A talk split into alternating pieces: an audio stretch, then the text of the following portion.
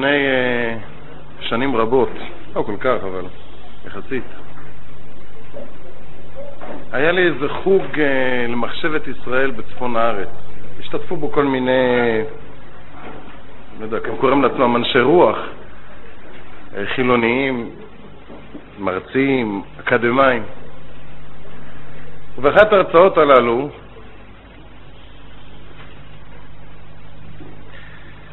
הגיע יום אחד אה, פרופסור אחד שחזר משנת אה, שבתון בחו"ל ו... והאוניברסיטה בארץ גם המשיכה את השבתון שלו כנראה והשתעמם קצת, אז הוא בא אלינו. קפץ באחת ההרצאות וצעק אין בחירה, מה אתה מדבר בכלל? אין בחירה הסתכלתי עליו, הסתכלתי על אנשים, אמרתי, זה רעיון מאוד מקורי ומאוד מאוד חדש, אבל לא כל כך רלוונטי לנושא שלנו. לא, אבל מכל מה שאתה אומר יוצא שיש בחירה, ואני אומר שאין בחירה. אני אומר שאין בחירה.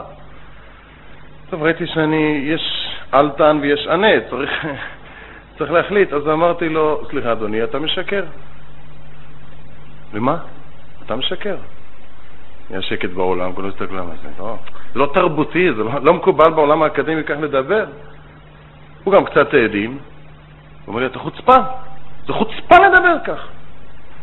אמרתי לו, סליחה, אל תכעס עליי. הוא אומר, אני ודאי כועס. אתה אומר שאני שקרן לפני כל הציבור, ועוד אתה רוצה שאני לא אכעס. אמרתי לו, סליחה, מה אתה אמרת?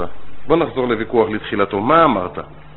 אני אמרתי שאין בחירה זו שאלה עיונית, אין כאן פגיעה אישית בך. אני אמרתי שכל התנהגות של אדם טבועה בצופן הפסיכולוגי-ביולוגי שלו. אדם לא מחליט מה הוא יחשוב, מה הוא יעשה, הכל תלוי בו. אמרתי לו, ולכן אני אומר שאתה משקר. שוב? אמרתי לו, אתה כועס עליי? ודאי שאני כועס. אמרתי לו, אבל אני לא אשם. זה טבוע בצופן הפסיכולוגי-ביולוגי שלי, שכך אני אגיד. מה אני יכול לעשות? למה אתה כועס? אם היה לו, אם היה קצת פחות כועס וקצת יותר חושב, היה יכול להגיד שגם בצופן הפסיכולוגי-ביולוגי שלא טבוע לכעוס. אבל האמת היא שאני אני, אני הייתי מעוניין לעורר את הרגש כדי שירגישו מדבר הבלים. זה דבר מדהים כשאתה נתקל באנשים האלה. התחושה של כל אדם, היומיומית, כמו שאומר הרמב"ם בשמונה פרקים, היא שהוא בוחר על כל צעד ושל. על כל צעד ושל. ואיזה בחירות? עומד בסופרמרקט, כל כולו שקוע בשאלה ההגותית, הרעיונית המעמיקה, 5% או 9%. גרוש יותר או גרוש פחות, או גרם שומן יותר או פחות, אני לא מתמצא בצדדי השאלה. ואותו אדם אומר, וכשאנחנו נתקלים איתם, אתה משתכנע שהוא מאמין במה שהוא אומר, בהבלים האלה שכבר אבד עליהם הקלח. למעשה, לאמיתו של דבר, הבעיה הזו איננה רק שלהם, היא בעיה גם שלנו. המכתב אליהו כבר מדבר על זה בקונטרס הבחירה, שאנחנו עצמנו יודעים ומצהירים ומאמינים, ואולי בדרגה שאפילו מוכנים למסור את הנפש על זה שיש בחירה, אבל בחיי היום-יום אנחנו לא חיים כך. זה נדיר מאוד למצוא, אני מדבר מתחום השטח שלי כעוסק בחינוך, אז אני מדבר יותר על צעירים. אני מתרשם שכך גם אצל המבוגרים, במידה שיש לי קשר קצת יותר עמוק איתם. נדיר מאוד למצוא אדם שבוחר ברע, שאומר, עכשיו אני רוצה לעשות מעשה שאני יודע שהוא לא טוב, עכשיו אני בוחר דרך לא נכונה. יש תירוצים, יש שיטות, נדיר מאוד למצוא בן אדם שבוחר ברע. וכשאתה שואל אדם, אז למה אתה כזה? אז למה החבר שלך כזה? למה אתה... תראה, אני כזה, זה הטבע שלי, לא יכול להשתנות, מה לעשות, אני כזה, הוא כזה. זה אצלנו המבוגרים, אבל אני לא עוסק בחינוך מבוגרים, כבר הצהרתי ברבים, לא הצלחתי עם עצמי, אני לא מתעסק עם אחרים. אני רק רוצה להסיק מזה, לגבי הנושא שלי, נושא החינוך של הילדים. אין ספק שאם אנחנו לא מחנכים את הילדים לבחור בטוב, אנחנו שולחים אותם לחיים בלי נשק.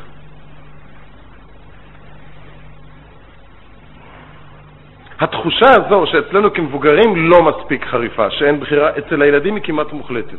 כמעט מוחלטת. אין לילדים מושגים על עולם הנפש שלהם, על הכוחות הפנימיים שפועלים בהם, אין להם מודעות עצמית. כל מה שיש להם זה מה שאנחנו מפעילים אותם, מה שאנחנו אומרים להם על עצמם, והם בעצם כל הזמן, גם כשהם פועלים למופת, הולכים על קביים. ולאחר מכן, כשהם לפתע עומדים ברשות עצמם, ואנחנו לוקחים להם את הקביים האלו, והם חס ושלום נופלים, אנחנו עומדים המומים וכואבים, ואל הנער הזה התפללנו, מה קרה? מה עם כל שנות החינוך? מה עם התפילות שלו? מה עם הלימוד תורה שלו? וגם שלה. גם אצל הבנות יש בעיות. והכמויות הן נוראיות. אני ודאי לא אגיד בציבור אפילו לא רמז למספר, אבל המצב הוא, אין מילים לתאר אותו. ולא כמו שאנחנו רוצים להשלות את עצמנו, או כמו שמתפרסם אצלנו בכל מיני כתבים למיניהם. יש בעיה של ילדים שהם בין מפגרים לדבילים ולא לא מוצאים בשבילם את המסגרת. או ילד כזה או ילד כזה. כל אחד רוצה להאמין שיש תירוצים למה זה קרה כדי להיות רגוע שאצלו זה לא יהיה. אבל האמת היא, רבותיי, שהבעיה היא הרבה יותר חמורה כשזה הכישרוניים. ורוב הבעיות הן הכישרוניים. לא כאלה שלא יהיה מספיק אינטליגנציה להשתלב במערכת. לחלוטין זה לא נכון. לא המושבות שלנו בקיבוצים בצפון, ולא באילת, ולא בחוץ לארץ, לא מורכבות מהבחורים הלא כישרוניים. אדרבה. הפחות כישרוניים יותר, לא שזה טוב, יותר בונים, יותר סופגים, יותר חוטפים, ממשיכים, שורדים איכשהו. אני מדבר על הצד הקיצוני, על הנשירה, אבל גם עם אלה שכן נמצאים במערכת. בינינו לבין עצמנו, כמה עובדי השם יש לנו? כמה אנשים שבאמת חוץ מזה שהם מתנהגים לפי התנהגויות מסוימות, אכפת להם להיות קצת יותר טובים, טיפה, כחוט השערה, החודש הזה יותר מאשר החודש שעבר. אכפת להם קצת להתקדם. שעושים דברים לא בגלל שזה רק החוג והמפלגה והקבוצה וזה, אלא באמת, באמת זוכ... זוכרים שיש הקדוש ברוך הוא ורוצים לעבוד אותו. אין ספק שהרבה פחות ממה שהיינו רוצים לראות. ולכאורה גם, הרבה פחות ממה שהשקענו בהם. אני אומר את זה בהרבה נוסחים.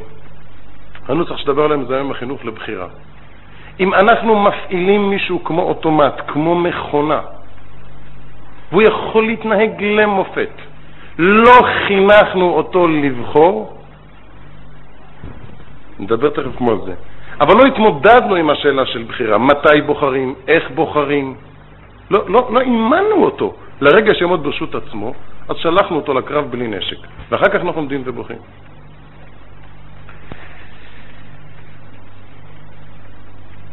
העיקרון הראשון שאני רוצה לדבר עליו, היסודי ביותר, הוא מה שמסביר מכתב מליהו, את הנקודה הזו, למה באמת אנשים לא חשים כשהם בוחרים ברע. איך הם יכולים להתעלם מזה? איך בחיי היום-יום, כשהם בוחרים מיליארדים של שטויות והבלים, הם עוסקים כל הזמן בשאלה של בחירה, וכשמגיעים לעניינים רוחניים, הם באמת חשים שאני אעשה את זה, הטבע שלי, אני לא יכול, אני כזה. התשובה היסודית ביותר, אני אוסיף אולי אחר כך פרטים, אבל התשובה, הנקודה המרכזית ביותר בזה היא שהאמת היא שעיקר הבחירה נעשה בשלב כזה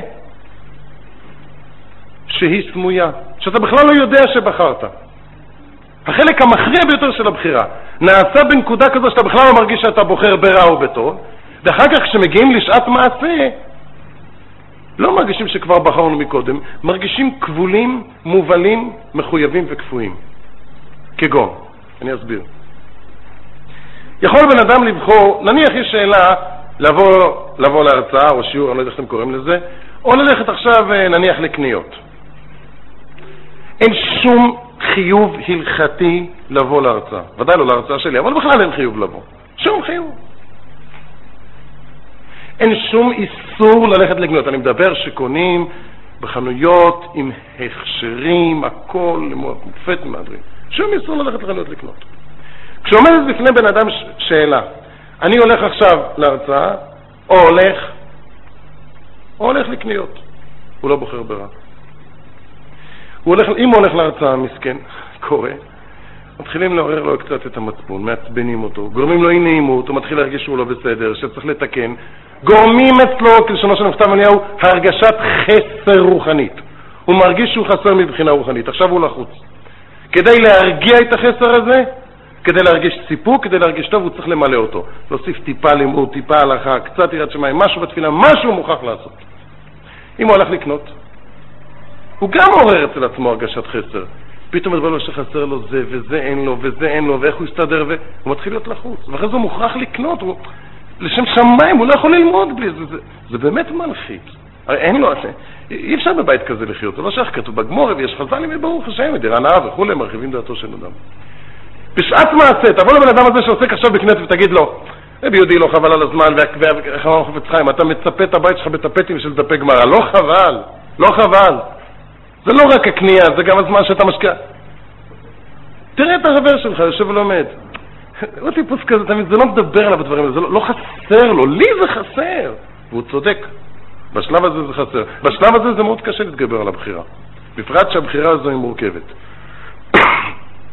כל דוגמה קטנה שאנחנו נתקלים בה. בא יהודי מתחיל לספר לי, נשתמש בזה אחר כך בהמשך המעשי יותר, בא יהודי מתחיל לספר לי על איזה מקרה של רחמנא ליצלן, שזה מקרה מצר אצלנו בשכונה. לא מתחשק לי לשמוע, אין לי כוח, זה מוריד את המצב רוח. עבדו את השם בשמחו, לא רוצה לשמוע. אני חייב לשמוע, יש איזה חופץ חיים, איזה שולחן אורך, משתה ברורה, כף החיים, אני לא יודע מה, יש איזה מקום שכתוב שצריך לשמוע? לא כתוב, לא רוצה לשמוע.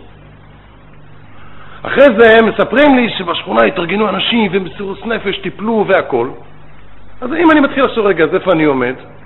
טוב, זה לא מדבר אליי, אלה אנשים שיש להם כזה, זה הטבע שלהם, זה האופי שלהם, הם כאלה שאכפת להם והם דואגים.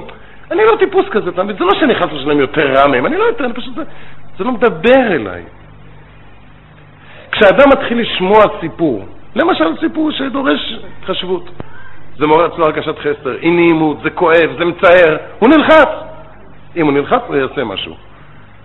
אחרי שעושה משהו, בא אדם מהצד ואומר, תראה, זה בן אדם, הוא טיפוס כזה, אתה מבין? זה לא עניין של בחירה, הוא טיפוס כזה, שכשהוא שומע צרות של אחרים זה מלחיץ אותו, ואז הוא מרגיש צורך לעשות משהו. אני טיפוס, ברוך השם, אסתפק במועט. לא, לא צריך להתערב בחיים של אחרים. היסוד שעליו בנויים הדברים האלה, זה הכלל שאמרתי אותו כבר בכמה הזדמנויות ובכמה הקשרים, והוא מאוד חשוב ומאוד יסודי, שאין הנאה בעולם, אלא רק מילוי חיסרון. בעולם הזה אין הנאה אמיתית, מוחלטת. אני לא יודעים מה זה כן, מדברים בעולמות הבאים. בעולם הזה אין הנאה כזו, יש רק מילוי חיסרון. אדם רעב, כשהוא אוכל הוא נהנה כי הוא ממלא את החיסרון של הרעב. זה המשמעות של הנאה. זו הנקודה השנייה שאני מבקש עכשיו לשלב. מה פירוש? מה הבעיה שלי? למרות שהסברתי כאילו את השלב הראשון של הבחירה הסמויה, עדיין השאלה נשאלת. אני נהנה ללכת לחנויות, אני נהנה לקנות, הוא טיפוס שהוא כיף לו ככה לשמוע צרות. איך, איך התחיל השלב הקודם? זו טעות חמורה, ועליה לעניות דעתי יש לשים את הדגש החינוכי. הטעות היא שבאמת עבודת השם אין משמעותה, אין משמעותה בשום פנים ואופן. לוותר על הנאות בשביל לסבול, לעבוד קשה. זה מתאים אולי לסוג מחלה נפשית, מזוכיסטים. זה לא דרך של עבודת השם. היסוד הזה שאדם פועל לשם הנאה הוא יסוד בבריאה. כך ברא אותנו הקדוש ברוך הוא. אדם לא עושה פעולה מודעת, ככה מקובלנו מכול כל רבותינו. אדם לא עושה שום פעולה מודעת, אלא או לשם סילוק סבל או השגת תענוג. אין שום סיבה אחרת שאדם יעשה פעולה. ואם הילד שלי יושב ולומד מצוין, ואני לא למדתי, תכף נדבר איך, לא לימדתי אותו להפיק משהו מזה עצמו, אז הוא עושה את זה או בשביל לשרוד, למנוע את הסבל של הלחץ של המורים וההורים והמערכת, או בשביל הנאות אחרות שהוא משיג. ממילא, היסוד החשוב יותר, לפחות מבחינת התפיסה החינוכית, הוא שכשאנחנו מדברים על עבודת השם לא מדברים על מלחמה בין הנאה לסבל, אלא בין שני סוגי הנאות. המלחמה היא האם להתפתות להנאה הגשמית, המיידית, המוחשית, אבל לטווח הקרוב והמצומצם, או לוותר עליה בשביל להשיג הנאה יותר מרוממת, יותר עמוקה, לטווח יותר רחוק, אבל יותר עדינה. זו בעצם הנקודה שסביבה אני מבקש לרכז את הדברים. תודה. קודם כל הנקודה הזו. הנקודה הזו שכל העולם הרוחני שלנו בנוי ככה. יש לנו כוחות נפש, השאלה לאן אתה מבסס אותם. יש לך כוח נפש, יש לך כוח נפש שמדרבן אותך לרדוף הנאות, אתה צריך לכוון אותו, לווסת אותו, לא לשבור אותו. הקוצקר היה אומר שלא כדאי לשבור מידס, לא כדאי לשבור מידות. כל מידה שתשבור אותה, יהיה לך שתיים. מה אתה צריך צרות? זה עניין מאוד עמוק, מכיוון שאין דבר כזה לשבור מידות. כשאדם נדמה לו שהוא שבר מידה, הוא בעצם פירק אותה למידות יותר יסודיות. חיים ויטל מדבר על זה הרבה, יותר, יותר בסיסיות, הוא פשוט לא מרגיש, אבל הוא נשאר עם אותה בעיה. העניין הוא ויסות. בכל תחום, בכל תחום. אולי אני אביא לזה עוד דוגמה ככה בשביל אה, להשתלב באווירה. היה לי פעם אחת, לפני שנים, הרצאה באיזה קיבוץ בצפון. נושא ההרצאות שלי היה כל מה שרצית להתקיף את הדוס, ולא לך את מי, הדוס בא, תתקיף. קפץ לאיזה יהודי אחד, בן אה, מבוגר, והוא שואל אותי בממש פנים סמוקות מזעם, רותח מחמאה, למה הדתיים לא אוהבים כלבים? כזו התקפה על יסודות היהדות לא שמעתי בחיים שלי. לא הייתי מוכן. ככה ידעתי למה אנחנו זורקים אבנים, למה אנחנו לא מתרחצים, אני יודע מה לענות. אבל למה אנחנו לא כלבים? טוב, הייתי צריך זמן בשבילם, איך עונים? אז אה, אתם יודעים, אה, שיטה יהודית. אני שואל אותו בינתיים, שיהיה לי זמן לחשוב, אני שואל אותו, למה צריך לאהוב כלבים? שאלת תם. זה פשוט, אבל צריך להסביר לי, ייקח זמן. מה, הכלבים הם לא, כמעט אמר, כמעט אמר, הם לא בני אדם, אבל הוא עצר את עצמו בזמן. כלבים הם לא אה, בעלי חיים, אין להם נפש? שמעתי, נימוק. אבל עוד לא, עוד לא התבשל לי התשובה טוב. מאיפה אתה יודע שדתיים לא אוהבים כלבים? הייתי פעם אחת בבני ברק, הוא נכנס לבני ברק בלי מסכת חמצן, הוא איש אמיץ. הייתי פעם אחת בבני ברק וראיתי שני ילדים רצים עם מקלות ואבנים על כלב. לא דיברתי על רמת האינטליגנציה שהוא ראה שני ילדים ולפי זה הוא קובע על כל הציבור, זה שאני גם יודע. זאת אומרת לו, תראה, אני באמת מתחיל לחשוב שאולי אתה צודק. אולי באמת אני אגיע לבני ברק, לדבר עם ראשי ישיבות, יעשו עצרת תשובה והתעוררות, ונקבל על עצמנו בלי נדר להתחיל לאהוב כלבים. באמת, אני לא, לא יודע אם אני יכול להתווכח איתך על זה. אבל אה, יחד עם זה אני מוכרח להגיד לך שאני מאוד מזועזע. מה פירוש מזועזע? אמרתי לו, אני, אני, אני, אני לא יודע אם אני יכול לדבר איתך בכלל. מה קרה? מה, מה התפנית הפתאומית הזו? אני אומר לו, אתה, אתה לא מתבייש בכלל לשאלתי שאלה כזו.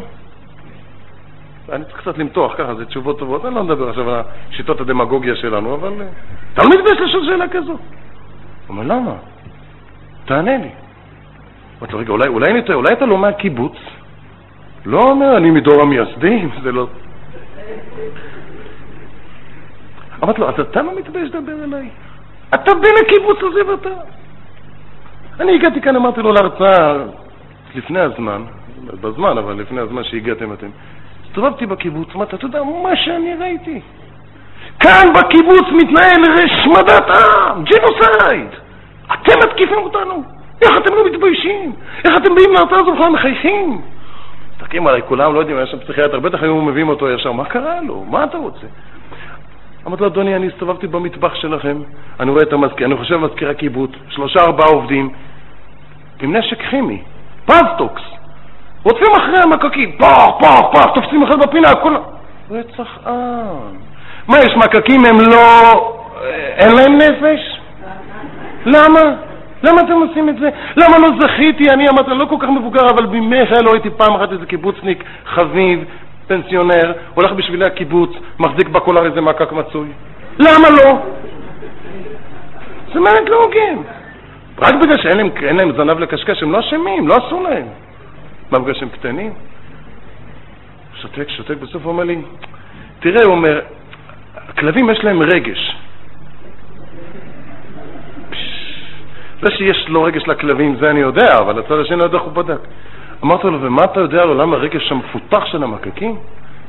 אצלנו, אצלנו רעייתי, השם ירחם ויכפר עליה, הרגה מקק אחד, שלושים באו להלוויה. אתה אומר שאין להם רגש?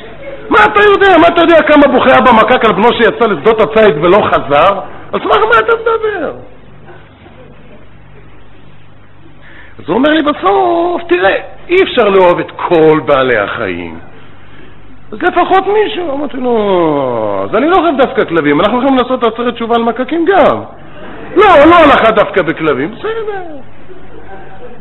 בסדר, אז אנחנו לא כל כך במצב, כל ההבדל הוא רק במי בחרנו אתם ומי בחר...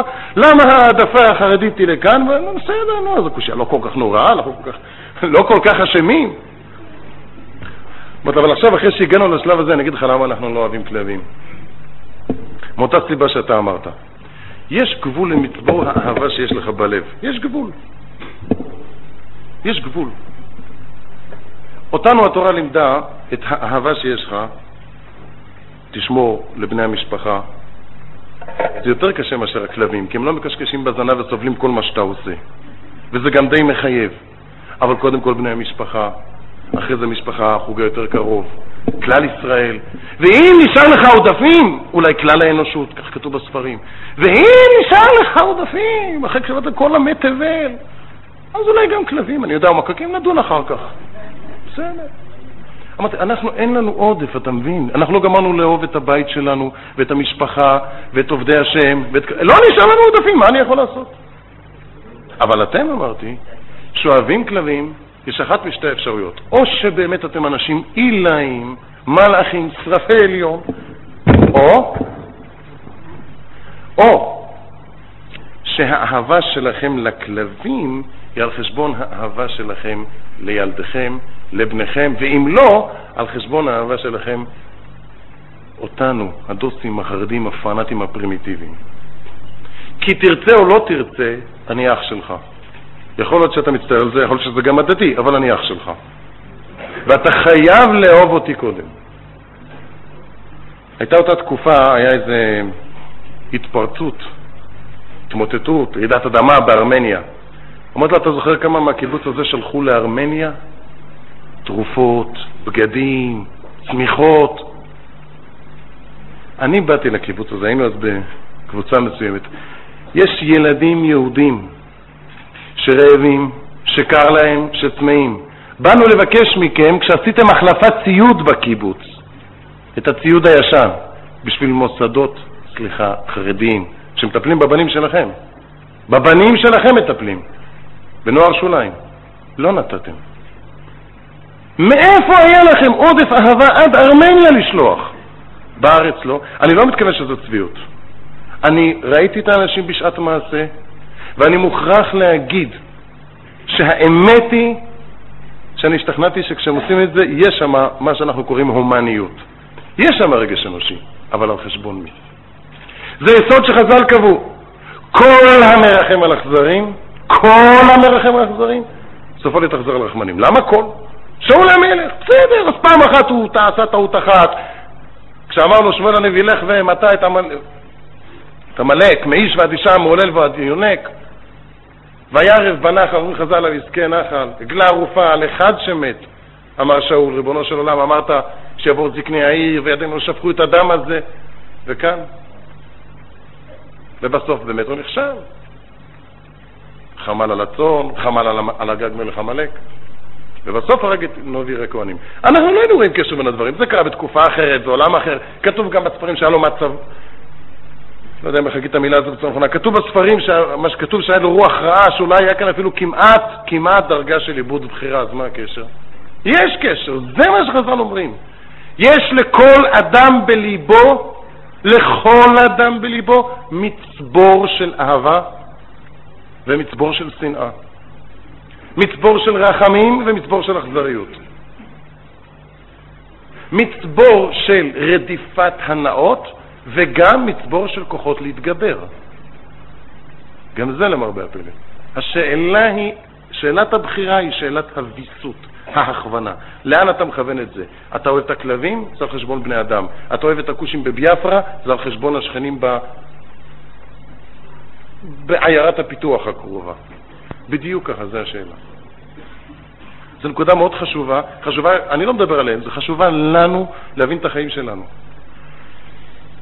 אין, אין דבר כזה שאדם ירחם על אכזרים, למשל, וזה לא יבוא על חשבון ההתאכזרות על רחמנים. לא ייתכן. הוא בזבז את מצבור הרחמים שהקדוש ברוך הוא נתן לו על אכזרים, ויש לו מצד שני אכזריות, והוא צריך לפרוק אותה באיזה מקום. הנה נראה את זה היום. עולם המשפט, יש היום דבר כזה שנקרא מספח. ראיתם פעם שופטים בשעת משפט? אני בעוונותיי הרבים, בעיסוקיי הרבים, גם הופעתי במקומות האלה. איזה הומניות קורנת מהם, איזה התחשבות, איזה, איזה, איזה הבנה לנפשו של הפושע. הוא כל כך לא אשם. מסכן, הילדות והסביבה. הם מתחשבים בו, יש להם הרבה רחמים. מי סובל מזה? תראו, תלכו ברחובות קריה. ישישים וקשישים וקשישות, כולם סובלים. כל האנשים שלא חטאו ולא פשעו סובלים בגלל שהוא את כמות הרחמים, בדרך כלל זה כוסית, אבל כוסית הרחמים שהוא קיבל הוא שופך בבית המשפט כשהוא עומד מול העבריין, ואת כל התוצאות מסביב הוא לא. אמר פעם שופט, אמר פעם שופט, תרגיל את המשפט הזה, בית המשפט העליון. הוא אמר, הוא נפגש פעם עם רב ירושלמי זקן, ואמר לו, תראה, אנחנו קצת יותר טובים מכם, בכל אופן. למה? אנחנו מבינים, תראה, תראה את הדינים בתורה, זה מות יומת, זה מות יומת, זה מות יומת. אצלנו עונש מוות זה סיפור, חיי אדם זה ערך עליון, לא כל כך מהר הורגים. אמרת השופר, אמר לי אותו רב תשובה שעד היום מנקרת לי בלב, ככה הוא ציטט. אמר לו, אתה מדבר? כמה עונשי מוות יש בתורה? סנהדרין שאחת ל-70 שנה, או אפילו שבע שנים יהיה. הרגעה נחשבת קטלנית. כשיודעים שיש עונש מוות ואפשר לקיים אותו, אז הולכים ברחובות קריאה שלווים. אתם הרחמנים? כל יום רצח, הרג, שוד, תראו כמה, ומי? על מי התאכזרתם? אתם מבינים יותר לנפשם, אבל עוד הערה. אתם מבינים יותר לנפשם של הפושעים? אני אגיד לכם למה אתם מבינים. הוא אמר, זה היה דברים חריפים מאוד, היה קשה לי לקבל את זה, קרוב משפחה שלו. אבל האמת היא, כתוב ברש"י, הביא את חז"ל, שהקדוש ברוך הוא אמר, אל תמר בו כשמי בקרבו, עניין הוא שלח מלאך לפניך, אל תמר בו כשמי בקרבו. אומר רש"י, כי לא יישא לפי שכם כשמי בקרבו, אומר רש"י, כי הוא מעקת שאינם מורגלים לחטוא. המלאך יכול לפעול רק לפי מה ש... לפי איך שהקדוש ברוך הוא ברא אותו. הוא שייך לכת שלא מורגלת לחטוא, הוא לא יכול לשרוד פשעים. אמר לו אותו רב, אם אתם מבינים יותר מאיתנו לנפשו של הגנב, אם אתם מרחמים עליו יותר, בלי שיש לכם את כוח התורה, זה כי אתם מזדהים איתו יותר. כנראה אתם קרובים לגניבה יותר מאיתנו. זו תשובה חריפה ואמיתית. אם אדם מפנה את הרחמים שלו לכיוון הלא נכון, אז ידע שהוא יפנה את זה לכיוון ששם יש לו נטייה פנימית. נחזור מכאן לנושא שלנו.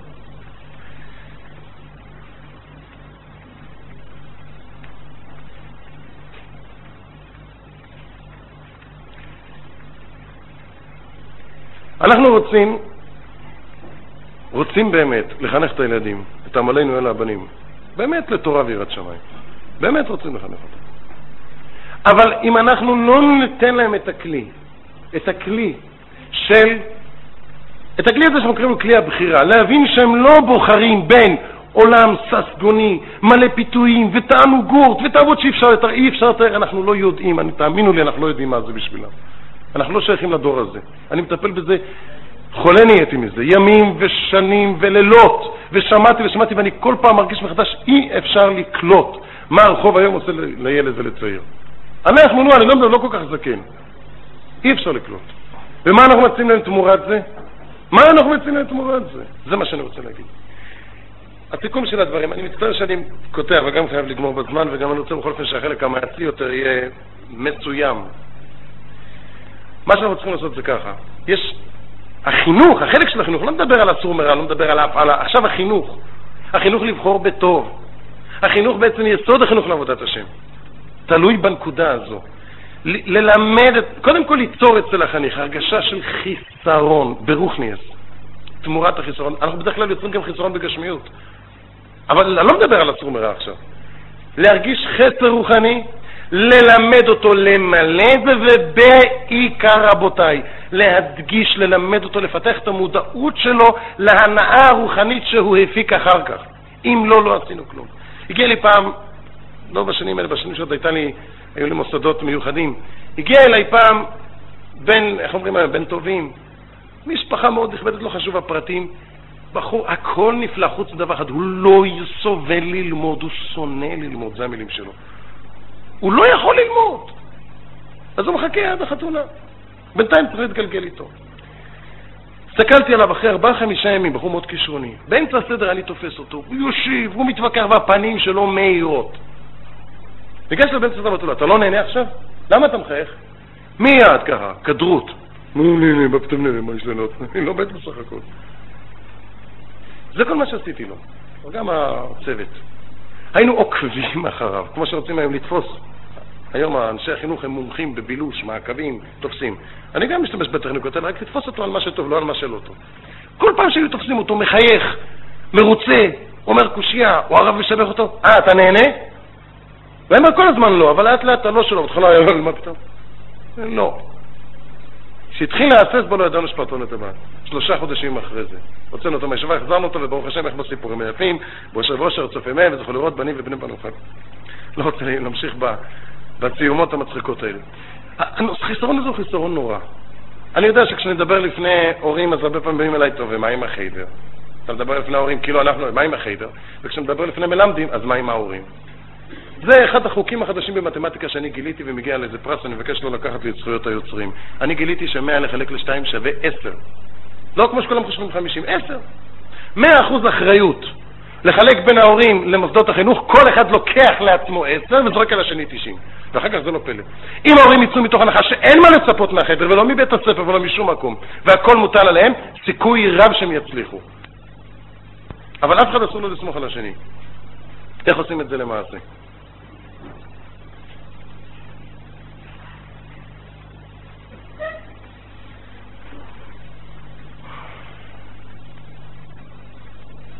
קח דוגמה אחת. בקהילה מסוימת הייתה ילדה אחת, לא עלינו, קצת אה, חריגה אומרים היום, ואף אחת מהילדות לא רצתה לשחק איתה. הורה אחד סיפר פעם בשולחן לילדים שלו, התחיל לדבר, לא הילדה הזו, הוא אמר, יש ילדה מסכנה, אף אחד לא רוצה לשחק איתה, איך היא מרגישה בודדה, איך, איך התחיל לתאר איך היא רק הולכת לכביש ומסתכלת ככה, אולי מישהו ירצה אותי, אף אחד לא רוצה אותי. אחרי זה תיאר שאבא שלה, אמא שלה עמדה מהחלון, מסתכלת דרך הווילון, אולי מישהו ישחק עם הילדה שלי, ואף אחד לא משחק. והאמא התחילה לבכות, אף אחד לא רוצה לשחק עם הילדה שלה ואיך הילדה שלה מסכנה. כמובן שהילדה של אותו איש, אותו הורה בבית, גם התחילה קצת לבכות. זה נשמע נורא אכזרי. זה חינוך נפלא להנאה בעבודת השם, תכף תראו. אחרי שסיפר את הסיפור הזה, ועוד דוגמה ועוד דוגמה, זה ואת אמרה, אני לא יכולה לשמוע. הוא אומר, בואי נעשה משהו. תארי לך שעכשיו תבוא ילדה אחת ולא תחשוב, לא, לא תתחשב במה שהחברות שלה צוחקות עליה, ולא יהיה אכפת לה, והיא תשחק איתה. אה, איך היא תהנה הילדה הזו שמשחקים איתה. והאימא שלה תראה מלמעלה, איך היא תברך אותה, ואיך יש שמחה בשמיים. זה לא צריך להיות חכם גדול כדי לנחש שהילדה זו רצה לשחק עם הילדה ההיא. ויום, ויומיים, ושלושה, וארבעה ימים שיחקה איתה. זה היה, אני מדבר על סיפור טרי. בט"ו בשבט, אותה משפחה של, של הילדה המשחקת, ישבו בשולחן, טוב בשבט.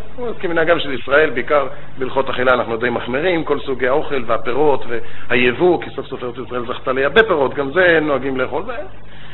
טוב, אחרי שגמרו גמרו לאכול, שואל האבא את ביתו הזאת, תגידי, שימו לב, זה החלק השני הלא פחות חשוב. החלק הראשון היה חיסרון, הרגשת חיסרון רוחני. עכשיו החלק החשוב של המודעות להנאה רוחנית. שואל אותה, את זוכרת ששיחקתי עם הילדה הזו? כן, אני זוכרת. תחשבי עכשיו, איך את מרגישה בלב? את מרגישה טוב? כן. למה את מרגישה טוב? שיחקתי איתה, עשיתי לה טוב, מתחילה לספר. אבל זה כבר עבר. כבר עבר! אתמול שיחקת, שלשום, לא עכשיו. אומרת, לא, אבל אני מרגישה טוב, הטוב שלי בלב. חשבת, את זוכרת שלפני חמש דקות אכלת, אני יודע מה, היא עברה אגוזי פקן. זוכרת שאכלת אגוזי פקן? כן. את נזכרת בזה, זה עושה לך טוב על הלב? לא. למה? למה לא? זה עבר. אבל גם זה עבר. וכל הילדים שומעים, זה לא רק חינוך בשבילה. לא יודעת למה. למה? התחילו לדון, הגיעו למסקנה שהנאה גשמית יש בה בלוף. זה חזק, מיידי, אבל זה נגמר. אבא עשה עוד תרגיל. בסוף הסעודה הילדה הזו ביקשה שוקולד. זה החלק השלישי, של, זה החלק של הבחירה בעצם. ביקשה שוקולד. אז הוא החליט כבר לגמור את הטקס החינוכי עד תומו. הביא טבלה גדולה של שוקולד ונתן לה קובייה אחת. אכלה, עוד אחת, אכלה, עוד אחת, אכלה. עוד אחת לא רוצה, אין דבר תאכלי. טוב, אכלה. עוד אחד, לא רוצה. בשביל אבא. אוקיי, איך, איך, עושים, איך, איך מלמדים את הילדים לאכול מרק? קובייה אחת בשביל אבא. אבא טוב, תאכלי. טוב, מה יכולה לעשות? לא יכולה לצאת, לא תאכלה קובייה. ועוד אחד בשביל אימא. לא התחילה לבכות, לא יכולה. אבל אימא, זה לא יפה בשביל אבא אחד בשביל אימא, לא. התחילה ללחוץ אותה, זה לא יפה, באמת אוכלי בשביל... לוחץ, מתחנן. טוב, בסוף הזקנה בלה את זה, עכשיו היא רוצה לשתות חלב. כבר, בתנאי שתאכלי עוד קובייה. זה כבר היה התפוצצות. וויכוח ודיון, בסוף החליטו לא קובייה, הסכימו על חצי קובייה. גם זה לא הלך, רבע קובייה. עכשיו שאל אותה, איך זה לאכול שוקולד? למה לא? היית חכם, היום את אכלתי יותר מדי. אבל שיחקתי עם הילדה הזו חצי שעה ועוד שלושת רבעי שעה ועוד שעה. עכשיו אכלתי שוקולד שש דקות. אני לא מדבר, זה טקס יוצא דופן. אפילו נעשה במקרה הזה לצורך, אה, נגיד, המחשה מסוימת בשביל מישהו אחר שהיה שם. אני לא יכול בצורה אחרת להראות איך זה צריך ללכת ביום-יום, אני יכול רק להציג את זה בצורה קיצונית. זה חייב להיכנס ליום-יום שלנו. זה חייב להיכנס ליום. יש כאן את כל השלבים בסיפור הזה. הרגשת חסר, אתה יוצר, כשאתה יוצר הזדהות, כשהילד אכפת לו, כשכואב לו, אתה יוצר אצלו הרגשת חסר. נהיה לו חסר ברוכניאס. אם נהיה לו חסר ברוחניות, אז יהיה לו הנאה מלמלא את החסר. אם אין לו חסר ברוחניות, אם כל מה שצריך ללמוד זה בשביל להיפטר מה, מהנדנות שלנו, מה... ואחר כך הוא יצא לחיים. הרבה דוגמאות, ביום-יום, ביום-יום אני מדבר, שאנחנו צריכים לשים לב לזה. אז יש כאן להרגיש את החסר ברוחניות. התקשרה, התקשרה, אחר כך כתבה לי פעם אם אחת, עושה אישה אשת חסד כל uh, פעם בשבועיים נדמה לי, היא מבשלת למשפחה נצרכת כאן במסגרת עזר מציון בבני ברק. והיא ציפתה, לפי הכללים, דוגמה אישית, שהילדה שלה מאוד תאהב חסד. היא אומרת, היא הייתה מזועזעת. פעמיים הילדה שלה קלקלה את התבשילים, והיא לא ידעה למה. היא לא ידעה למה.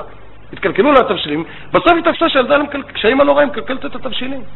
התחילה לשוחח איתה, והתברר שהילדה ממש כועסת ורוטנת ושונאת את העסק הזה. מה עושים? שולחים יד לפסיכולוג כדי לתת תעודה, גם להעלות את רמת חיים של הפסיכולוג ולהוריד את uh, רמת רוחניות, שזה הפתרון. שלחו לי מכתב. מה יש לילדה הזו? היא הפסידה אימא, אימא במתח כשהיא מכינה, עושה מצווה, עושה חסד, היא בלחץ, הילדה מפסידה את האימא, ומה היא מבינה? שיש הלכה של חסד, שאמרו מילים של חסד. סיפרתי פעם, היה לי אחד הנושרים, שאמר לי פעם, דיברנו פעם במין שיחה כזו על כאילו הפנטזיות, על החלומות שלהם. הוא אומר, אני כל חיי חלמתי להיות או בעל תשובה, או גר, אולי גם רוסי טוב. למה? הוא אומר, אצלי בבית שבאו בעלי תשובה, מה זה הבית למופת? איך מארחים אותם? ואת הילדים כמובן לוחצים שיסתדרו, שלא יעשו רשם לא יפה, אי אפשר. גרים, מה זה? אנחנו הילדים בצד. ההורים עשו כאן כן דוגמה אישית.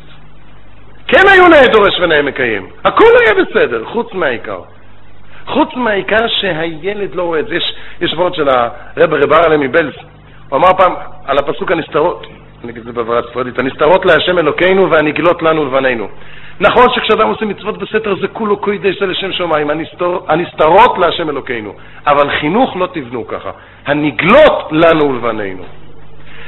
לא רק מבחינת המעשה הדברים צריכים להיות גלויים, גם מבחינת הרגש, גם מבחינת, ה, גם מבחינת הח, ה, ה, ה, ההפגנה של הרגש. הדברים צריכים לצאת החוצה.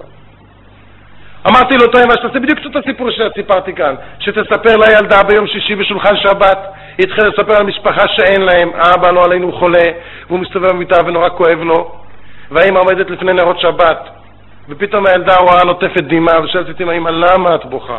היא אומרת, אני לא בוכה. אמא, למה את בוכה? לא בוכה. בסוף, מת...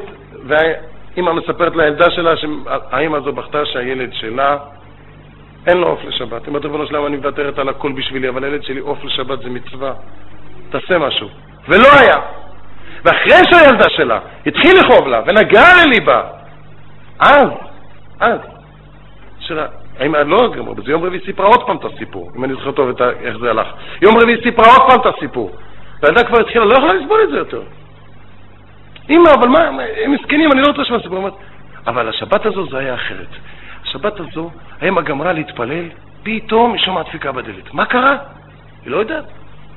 לא יודעת לפתוח או לא לפתוח כי אין שום דבר בבית ולא נעים, אבל שומעת צעדים, מישהו מתרחק, פותחת את הדלת, מה רואה? ארגז עם חלות, עם יין, בשר, והכול בהכשר והכול הכול ככה כתוב. שואלת האם את אלה שלהם, איך זה היה להם? את יודעת מאיפה? אנחנו הכנו, את ואני. אומרת האמא, כתבה לי אחרי תקופה, שהיא הייתה נוהגת לעשות כל שבועיים, עכשיו הבת לא נותנת לה מנוחה אם היא לא עושה את זה כל שבוע. זה כל ההבדל הקטן. יצרה הזדהות, הרגשת חסר רוחני, שיתפה את הילדה, מילוי רוחני, זה תענוג! זה תענוג! ואני לא, קשה לי להאמין, אני לא יכול להגיד שלום, אבל קשה לי להאמין שיכול להיות אדם, אני לא ברמות שלנו, אני מדבר על אנשים בינוניים, אני תמיד מבקש סליחה ומחילה מהצדיקים הנסתרים, אבל אנשים בינוניים ברמה שלנו, בלי הנאה רוחנית, בלי, בלי הרגשה של סיפוק, של רוממות מעבודת השם, לא אי אפשר, אנחנו לא יכולים להתקדם.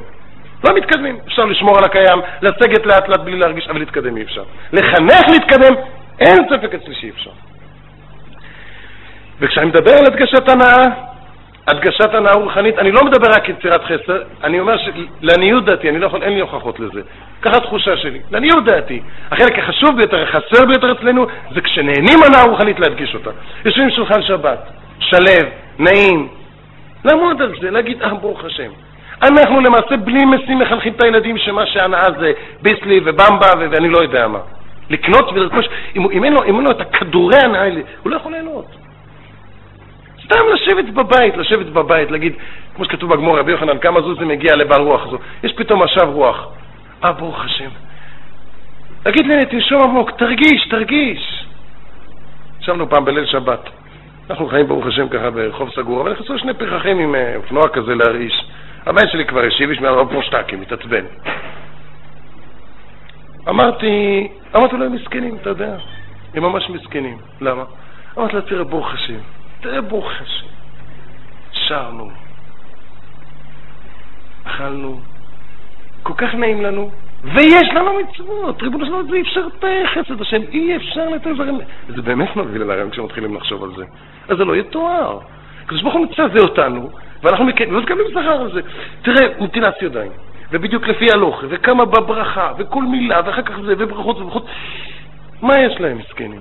טוסטוס, הולכים הביתה, מכניסים קצרות, גופייה, חביתה, סלט, הולכים לישון, אפילו מסכנים אין להם קריאת שמע. כן, ככה להגיד.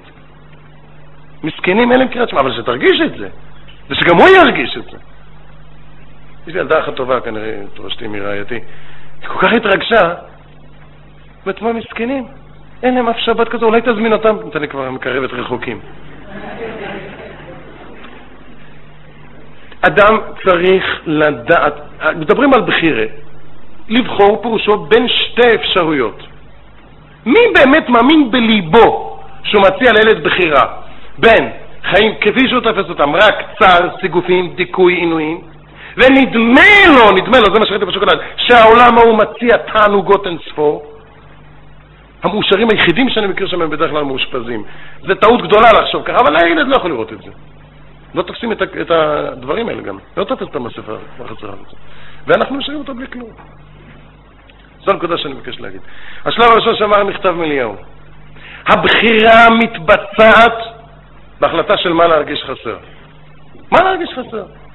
להחליט לחשוב, רגע, רבנו שלנו, אני לומד או לא לומד, אני בסדר או לא בסדר, מתפלל או לא מתפלל. זה גורם אי נעימות. אבל האמת היא שכל הנאה כרוכה באי נעימות.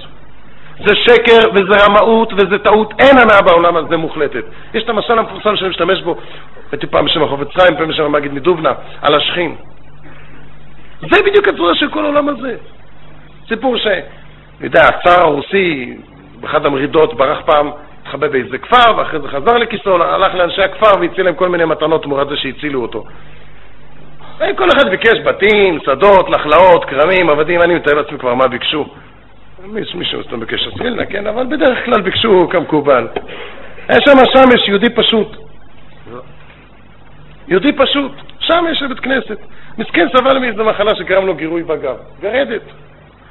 זו הכבוד הצער, אני קורא בבית מדרש, בבית המדרש, תעשה לי טובה, שיתלו כאן איזה עץ מעוצב לפי צורת הגב שלי, שמפעם לפעם שאני עובר, שאני אוכל, שאני אוכל קצת להתגרד.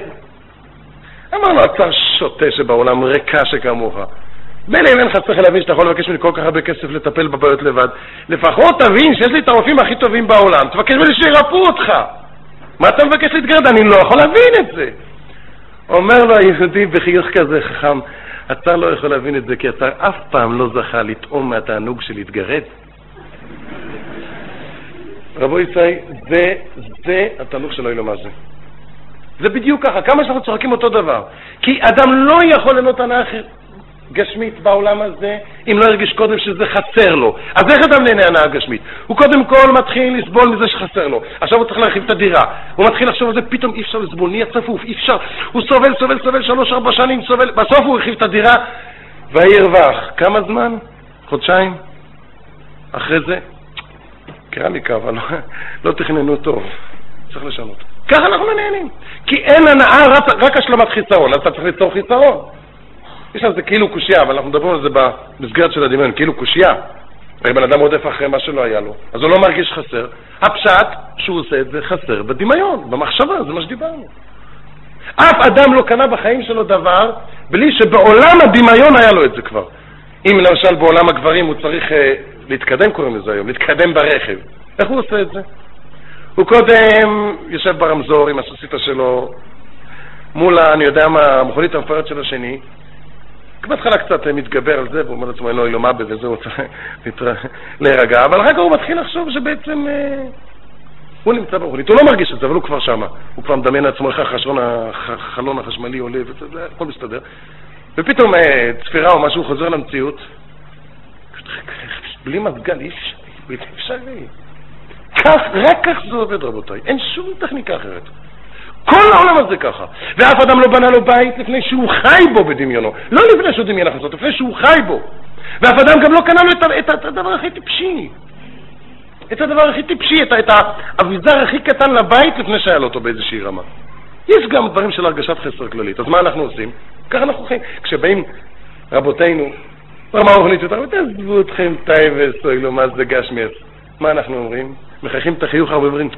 כן, כבוד הרב לא מבין מה זה חלונות חשמליים באוטו. כבוד השר לא מבין מה זה להתגרד.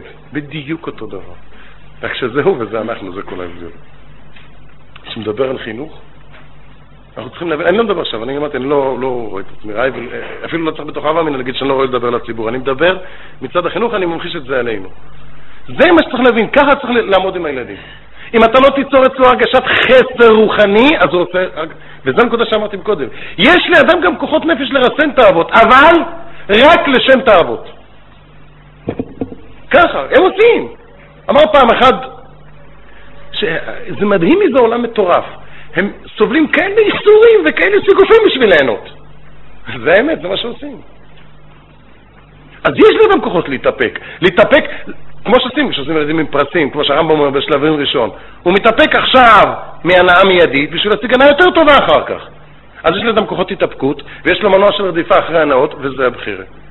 ליצור אצלו הרגשת חסר רוחני, להפעיל, ללמד אותו להפעיל את המנוע שלו בכיוון הזה, של רדיפת הנאה רוחנית, ובעיקר להדגיש לו את הנאה רוחנית. בלי זה קשה לי להגיד דברים קשים, אבל האמת היא שבלי זה, מה שנראה לנו היום, לפחות במצב של היום, לפחות בדור של היום, אנחנו שולחים אותו ממש לקרב נוראי בלי נשק. בלי נשק לחלוטין, אני לא מדבר בלי, ממש בלי נשק. ואם הוא יוצא, נשאר במסגרת, כמו שאומרים, אוי ודשם הוא לא יהיה. אני לא, חס ושלום, איש יוצא דופן, אבל בדרך כלל זה המציאות. יש לנו הרבה מאוד שמכל מיני שיקולים השם ישמור, נשארים לפחות חיצונית מאיתנו. אבל הלב שלהם לא אצלנו. לא ידעים והלוואי שלא ידע אף אחד ולא יבוא מה שאנחנו עברנו. כל אלה שנודעו להם הדברים. אנחנו לא אנשים צדיקים ולא ירשו מהגדולים. מה שזה כאב לנו יותר כי אנחנו פשוט, הקדוש ברוך הוא גלגל שנדע את העובדות יותר מאחרים. לא יאומן, לא יאומן כמה אנשים יש. אני לא אומר ספרים, אבל הרבה יותר ממה שאפשר לצפות, שכלפי חוץ נראים שומרי מצוות, אפילו באים לפעמים להתפלל בשטיבל, ואין להם שום שייכס. פשוט שיקולים של נוחיות. שלא לדבר על אלה שזה מצוות אנשים בלא מועדו. כמה אנשים יכולים להעיד על עצמם, אני מדבר רק קצת חס ושלום, אני לא, לא יכול לדבר לא, מעבר לדרגה שלנו, של האנשים הבינוניים, אבל לפחות גם אדם בינוני יכול להגיד, ריבונו של עולם, אני יודע, השם ישמור, מלא, מלא הבנות, הכל, אבל יש, יש דבר אחד שאני יכול להגיד על עצמי, שבשביל זה אני יכול לחייך. אני יודע ש, שבחסדי השם, החודש הזה, אני חוט השערה, באמת, תאמינו לי, לא יותר, אבל חוט השערה יותר טוב מהחודש הקודם. אז לפחות אני מתקדם. לפחות אני מתקדם. לא יותר, באמת לא יותר, אבל רק חוט השערה. בשביל חוט השערה הזה, וחוט השערה הזה זה נפקא מיני ממש בין שמיים לארץ. בין, בין חס ושלום, בין עובד אלוקים לאשר לא עבדו. חוט הצהרה הזה, לעניות דעתנו, מה שנראה בדור הזה, בזה הוא תלוי. אם החניך לא יחיה הרבה, שהבחירה שלו זה בין הנאה רוחנית להנאה גשמית, לא בין סבל להנאה. אם לא ירגיש סיפוק, הרגשה של חלומות בעבודת השם, לכאורה, לכאורה, לפחות, ודאי שאת ההשתדלת שלנו לא עשינו. הקדוש ברוך הוא בזכות אבות יזכה שמישהו אחר יעשה את זה יעשה. אם נצליח בזה, אולי נזכה שנוכל באמת גם אנחנו להתפלל, באמת להתפלל ולהרגיש את התפילה של שלחמנו יזכנו עוד בניין בית המקדש, אמן. שלום, כל הלשון מפיצה תקליטורים, ובהם שיעורים במבחר נושאים, במחיר 2 שקל לתקליטור, מכיל 40 שעות שיעור, כמו כן תקליטורי DVD המכילים כ-330 שעות שיעור. ניתן להזמין תקליטורים או תקליטורי DVD במשרדי כל הלשון 02-581-6622 או בכתובת דואר אלקטרוני cd שטרודל kolhl.com אם ברצונכם לפתוח תחנה להטענת נגנים או להפצת תקליטורים, תוכלו ליצור קשר עם משרדי כל הלשון. ניתן לקבל בדואר אלקטרוני או בפקס את רשימת השיעורים הקיימת בכל הלשון. לקבלה בפקס, הקישו 03-617-1111, הקישו 0 עם הכניסה למערכת, ולאחר מכן 5 ופעלו לפי ההוראות. לקבלה בדואר אלקטרוני, שלחו הודעה ל-l שטרודל kolhl.com שיעורי כל הלשון נמסרים על ידי הרבנים במאמץ וביגיעה. אם ברצונכם לסייע לרבנים מגידי השיעורים או למוסדות התורה בהם הם מלמדים, תוכלו להעביר כסף ישירות לרבנים על פי בחירתכם. הוצאות אלו מוכרות לצורכי מס כהוצאות, וכן כתרומה מוכרת בכל העולם. תוכלו להתקשר למשרדי כל הלשון 02-581-6622 או להשאיר הודעה בכתובת המייל d שטרודל kolhl.com תודה וכל טוב.